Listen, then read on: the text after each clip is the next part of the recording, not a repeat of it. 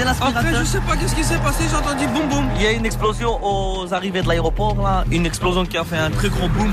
Ah les gars, Oula Tech c'est sérieux. Il y a eu des morts aujourd'hui. Ouvrez, ouvrez, ouvrez tous, ouvrez tous les infos, ouvrez tous les infos. 12 i 41, aquest dimarts, un atemptat jihadista va causar el caos a diversos punts de Brussel·les, tot seguit un altre tipus de caos, el caos informatiu. Es va apoderar de les xarxes, ball de xifres amb el nombre de víctimes mortals, viralització de vídeos de les explosions que en realitat eren d'altres atemptats. Bueno, doncs estem sortint del que és el terminal a les pistes. Ara mateix eh, estem a fora a l'aire lliure. Ens fet marxar tots. Han tancat les botigues. Sentim sirenes, veiem bomberos. I pel que ens diuen, eh, ens treuen de l'aeroport. No sabem d'on ens porten, però ens treuen d'aquí. I estem veient que l'exèrcit està prenent com, com posició en les parts altes de l'aeroport, es veu la, la, la cúpula de l'aeroport amb, els vidres bastant trencats. No deixen sortir ningú ni, ni entrar i diuen que ja aniran informant, però informació n'hi ha poca. vist, uh, després de l'explosió hem vist un reflexe de llum. Tot el metro ha explotat. Els vidres de les finestres ens han caigut a sobre. Al Parlament ara el que ens acaben de comunicar és que s'ha re- s'ha tancat, s'han tancat totes les portes excepte una i, i que es recomana que estiguem, que ens quedem dintre del Parlament. Han començat a agafar la gent del, de l'aeroport i els estan portant en, en sentit en un, en un pavelló esportiu o en algun centre de control per donar una mica més d'informació. Avui al suplement volem parlar de com ens hem d'informar a través de les xarxes i especialment a través del Twitter amb l'Ismael Peña López, que és professor dels Estudis de Dret i de Ciència Política de la Universitat, Universitat Oberta de, de Catalunya. Ismael, bon dia, benvingut. Molt bon dia. Com estàs? Molt bé. Tu com et vas assabentar dels atemptats de Brussel·les? Doncs jo em vaig assabentar bàsicament per Twitter. És a dir, estava amb un ull a Twitter i amb una orella a la ràdio i va ser així. Simultàniament vaig anar sentint les dues coses. I recordes com et vas assabentar, per exemple, dels atemptats de les Torres Bessones, quan no existia Twitter i Facebook? Ostres, Torres Bessones crec que estava conduint conduint està, i crec que va ser ràdio, crec que va ser ràdio, perquè venia conduint de, de Madrid, si no recordo malament. Com sempre, obrim telèfons a l'espai que fem a aquesta hora al suplement, 93 201 7474. Avui volem fer una mica d'autocrítica sobre com gestionem el caos informatiu pel que fa als mitjans de comunicació i com també ho ha de fer la ciutadania, on ha de recórrer quan hi ha un caos informatiu. L'aparició de xarxes socials ha transformat la manera d'informar-nos, és una evidència. Ara, quan passa una cosa, el primer que ho dona és el Twitter. Segur. Hem passat d'un món on teníem poca informació i en mans amb molt poca gent, és a dir, les dues coses, eh? Hi havia poca informació molt mal distribuïda. I ara és al revés. Uh, tenim moltíssima informació i jo crec que el gran canvi és que tothom pot produir-la. És a dir, tothom té una ràdio a la butxaca una tele a la butxaca, digue-li YouTube, digue-li Facebook, digue com vulguis, i això és canviar les regles del joc totalment. Aleshores, quan hi ha un accident, un atemptat, algun esdeveniment, eh, i anem a informar-nos a les xarxes, el primer problema que hem de conèixer, hem de saber, eh, alertats, és que hi ha un excés d'informació. Jo crec que hem de conèixer dues coses. Una és aquesta, que és hi ha un excés d'informació i hem de saber triar, i una altra cosa que segurament ens ha agafat una mica per sorpresa, i és que Twitter en especial, i Facebook també, hi ha interessos creats en captar l'atenció. És a dir, creiem que Twitter és un espai neutre on els ciutadans s'informen de tu a tu i això només és veritat a mitges. Hi ha gent que vol capturar l'atenció perquè volen tenir més seguidors, volen eh, anunciar, volen fer coses. Llavors, no és tan maco com ens ho pinten Twitter. Que ens passa una cosa, ara, abans ho comentàvem amb la Mariola, sempre ho comentem fora d'antena, eh? que és quan passa una, un esdeveniment així, la ciutadania vol, vol que expliquis, vol que expliquis, no? Les xarxes van a una velocitat, tu com a mitjà de comunicació has d'anar a una altra, perquè has d'esperar que es confirmin segons quines dades, però en canvi llavors hi ha altres mitjans que es tiren a la piscina i que comencen a confirmar, per exemple, xifres de, de morts. Aleshores, aquí la ciutadania també ha de tenir molt clar que els mitjans de comunicació són un filtre en tot això. Jo crec que el que fem i el que hauríem de fer són dues coses diferents. Jo crec que qui està fent una mala feina acabarà desapareixent del mapa i el que sí que hem de tenir una mica de paciència o d'autocontrol, ara parlo de com, a mitjans, de saber informar bé. Com deia abans, hem passat d'un món on hi havia molt poca informació i l'objectiu del mitjà o la funció del mitjà era informar, donar-la, i ara on hi ha molta informació i llavors l'objectiu mitjà és doble. Una és triar-la, saber triar aquesta informació, quina és la bona i quina és no, i això demana calma, eh, no s'hi val allò de... És a dir, mai podrem adelantar... En Clar, però és que hi ha pressa, eh? Perquè si, si sembla que si passa una hora i no has, no has confirmat una dada, sembla que no estiguis al dia, no estiguis explicant el que està passant. Sembla, però no és així. Ja, ja, ja. És que al fons hem de fer periodisme de tota la vida, no? Hem d'anar a les fonts i, i contrastar aquestes fonts, Exacte. no? no ha canviat res. Si, de qual, si en qualsevol cas, és a dir, la primera aquesta del triar, el, el, el fer la feina de periodista, i això no demana pressa, i la gent ha de comprendre-ho, Però una cosa que sí que es pot fer amb presses, diguem-ho així, és desmentir la mala informació. És a dir, nosaltres potser no podem córrer més al compte al donar informació. Bàsicament perquè si hi ha una persona que està a Brussel·les a l'aeroport i l'estan portant d'una part a l'altra, nosaltres estem a Barcelona i no hi som. Per tant, és impossible que correm més que la persona que està tuitejant des de l'aeroport. El que sí que podem fer és saber quina persona tuiteja des de l'aeroport, perquè l'hem pogut comprovar, i quina persona està tuitejant des de Moscú, com va passar, i, i està repartint un vídeo que no és. Llavors, jo crec que aquesta pressa la podríem tenir en intentar desmentir tot el que hi ha a la xarxa. Això vol dir que els mitjans han de fer una cosa nova, que és no només escoltar-se entre ells, sinó escoltar els ciutadans, que és una cosa que mai, històricament, han fet els, els mitjans, que és escoltar el ciutadà, no? Claríssim. I que cada vegada per això comencen a entendre, els mitjans comencem a entendre Sí, que s'ha de fer que així. Eh? Jo crec que sí, que, que, que cada cop es fa més això de tenir, com jo deia fa un moment, un ull a la xarxa i un ull a les fonts oficials i intentar compaginar aquestes dues coses. I, I la gent ser menys ràpid en redifondre missatges, perquè de vegades ens ve una fotografia, no l'acabem de mirar i de seguida la retuitegem el i cas del llavors vídeo es va aquest, fent eh? gran, no? Sí, sí. Del vídeo aquest, que era un atemptat que havia estat eh, una explosió que havia sortit de fa uns anys, eh, en aquest cas a Rússia. No? Això, sense cap mena de dubte, és la tercera funció que han de fer els mitjans en aquesta nova societat de la informació, que és ensenyar al ciutadà a ser, si voleu no un periodista, un bon consumidor d'informació. Tornem al d'abans. Abans no hi havia molta informació, per tant el ciutadà rebia passivament, i això era bo, perquè és el que hi havia, i sabíem que venia ben triada. Com que això ja no mai més no serà així, una funció que ha de fer el, el, el periodisme, com fa la universitat en un altre àmbit, és triar aquesta informació i ensenyar al ciutadà a ser crític, a saber identificar les bones fonts, a saber identificar bones praxis i, si voleu, entre cometes, a ser un petit periodista en ell mateix, igual que els universitaris diem que hem d'ensenyar a aprendre o a aprendre a aprendre i no només a donar contingut. Potser abans els canals d'informació eren més jeràrquics. No? Hi havia una jerarquia i, en canvi, ara la producció informativa, diguem-ne, que s'ha democratitzat tant que ja qualsevol ciutadà pot fer informació. Absolutament. Per tant, sí que hem perdut aquesta, aquesta jerarquia, no? aquesta idea dels mitjans, de que ens informen, perquè ara informa qualsevol.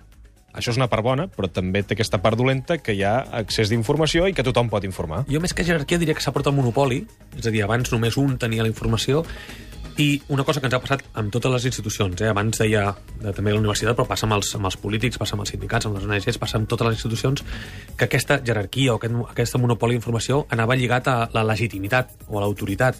Ningú qüestionava que Catalunya Ràdio donava bona informació perquè no hi havia ningú més i a més hi havia el temps i la, diguem, la, i la feina per fer-ho. No? Ara, quan tothom la té, ho podem qüestionar tot, hem de qüestionar-ho tot perquè ja no sabem qui és el bo i qui és el dolent. És veritat que emissores com aquesta, on estem ara, aquest estudi, n'hi ha poquets en el món. Sí. O, si voleu, a Barcelona. Eh, però comptes en Twitter n'hi ha milions. I el que és més important, el Twitter de, el suplement pesa el mateix que el Twitter de l'Ismael, que pesa el mateix que el Twitter del senyor que està passant per aquí davant. Sabem que no pesa el mateix de, de portes endins, però de portes en fora pesa el mateix. Llavors, Estem en plena feina. revolució. Avui és l'últim dia que es publica el The Independent, per exemple, el diari britànic. Sí. És a dir, el paper ja desapareix, és a dir, que estem immersos també en una revolució total, no? és un canvi absolut. Segurament el que veurem en els propers, anava a dir mesos, no, eh, però anys, és una, una transformació radical de, del que és el, els mitjans de comunicació, els diaris o les ràdios, però en canvi una revalorització brutal del que és el periodisme. Sé que això pot semblar un joc de paraules, eh? però crec que com a indústria, com a empreses, veurem que els mitjans aniran cada cop aprimant-se més, perquè hi haurà menys marge, però en canvi el periodisme serà molt més necessari que mai perquè, insisteixo, tenim tanta informació que necessitem que algú ens ajudi a endreçar-la i a aprendre a endreçar-la. Volem saber també, eh, volem saber també l'opinió dels nostres oients, 93 201 7474. Com us informeu vosaltres? Quins tuits eh, feu cas i com no? Quin és el mecanisme que establiu a, a la vostra vida? Que no tinc temps per pensar, que no tinc temps per pensar. Temps per pensar, que no tinc temps per pensar, que no tinc temps. No tinc temps per pensar, que no tinc temps per pensar, que no tinc.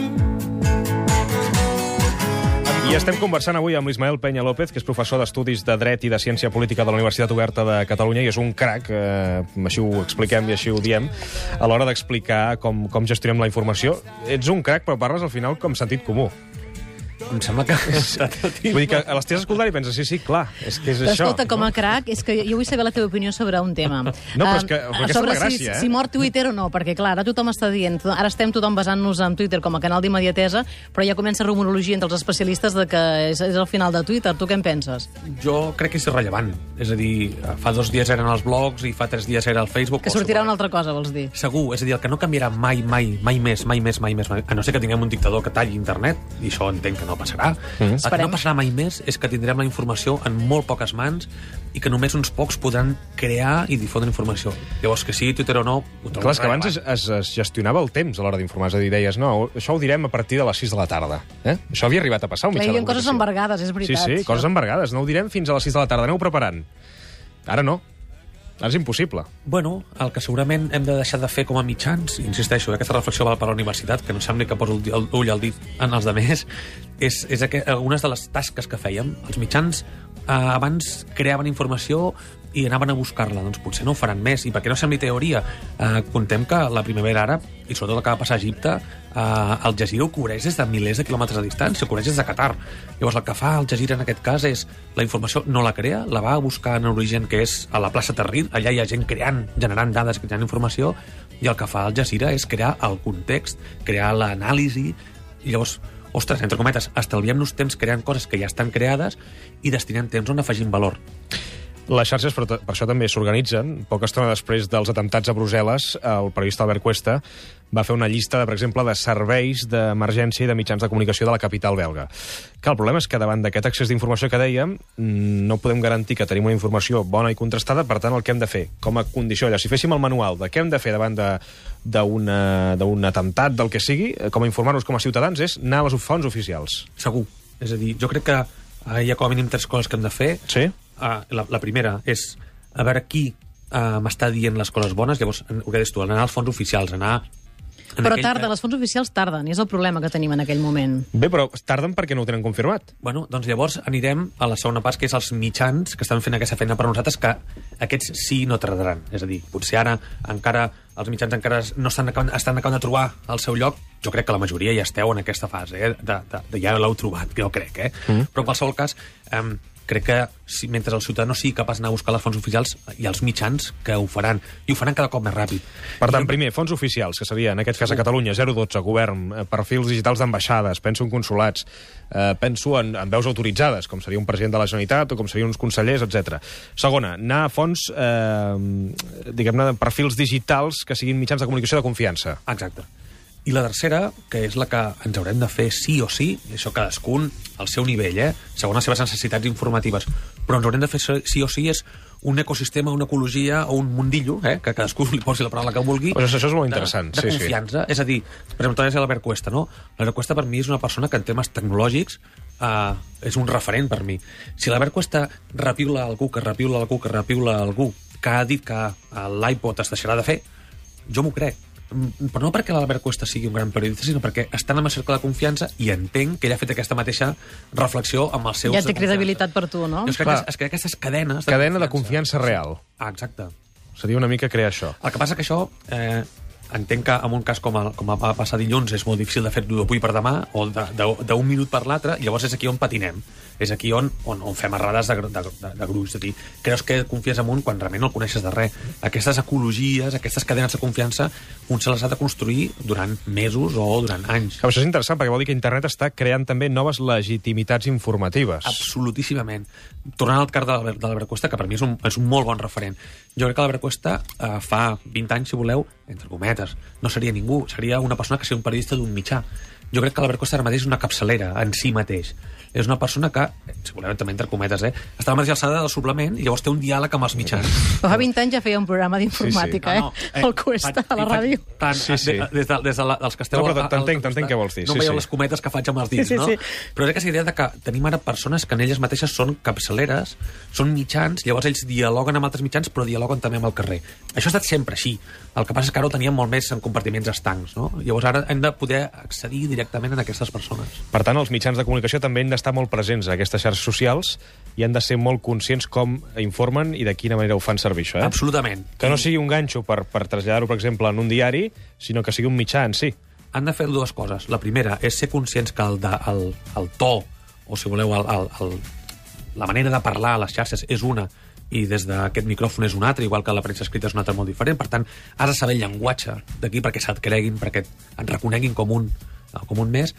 i insistint en el que deia abans, està escoltant el que s'està dient a les xarxes, encara que sigui per desmentir-ho. Jo crec que és una, una funció importantíssima Clar, als mitjans. hi ha també una batalla digi entre els digitals pel clic, no? I això també volen ser tots els primers i a vegades amb això ens porta una gran bola de neu, no? Bueno, ara mateix estem en aquest punt on estem amb un peu en un món, amb un peu en un altre món, o com deia un company meu, estem canviant les, les rodes del cotxe amb el cotxe en marxa, intentant no matar-nos, i estem anant una mica a tot, i estem disparant a tot el que es belluga. Mm, això, alguns triomfaran amb això, jo crec que la majoria no, i hem de ser una mica pacients, sobretot pacients, i ara intentar explicar en els nostres caps, eh, en els que posen els anuncis, els que paguen els anuncis, en els que dirigeixen els mitjans, calma, calma, calma, calma, perquè si una cosa valdrà en un futur molt immediat és la reputació, i la reputació es construeix d'un dia per l'altre. Eh, Perdó, no es construeix d'un dia per l'altre, sinó que s'ha de treballar cada dia i podem cremar tot el que tinguem en un parell de dies fent tonteries, diguem-ho així. No, no, és claríssim.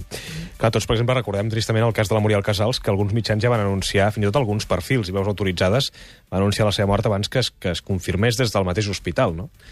Això va ser lamentable, més, en aquest cas a mi em toca bastant de prop, però sí, va haver-hi, jo recordo sobretot dues persones amb dues actituds molt, molt lamentables que realment ho van fer per, per atraure atenció, per cridar l'atenció, per motius mm, diversos que no entrarem a jutjar, però que a més no es pertocava amb ells, perquè ni tan sols eren, no eren ni mitjans, eren persones més o menys properes, i això ho trobo molt, molt censurable, francament. Clar, una altra feina dels mitjans de comunicació, si estem davant d'aquest nou panorama informatiu en el qual el ciutadà també té una eina per informar, és convertir aquesta informació en coneixement, no? En debat.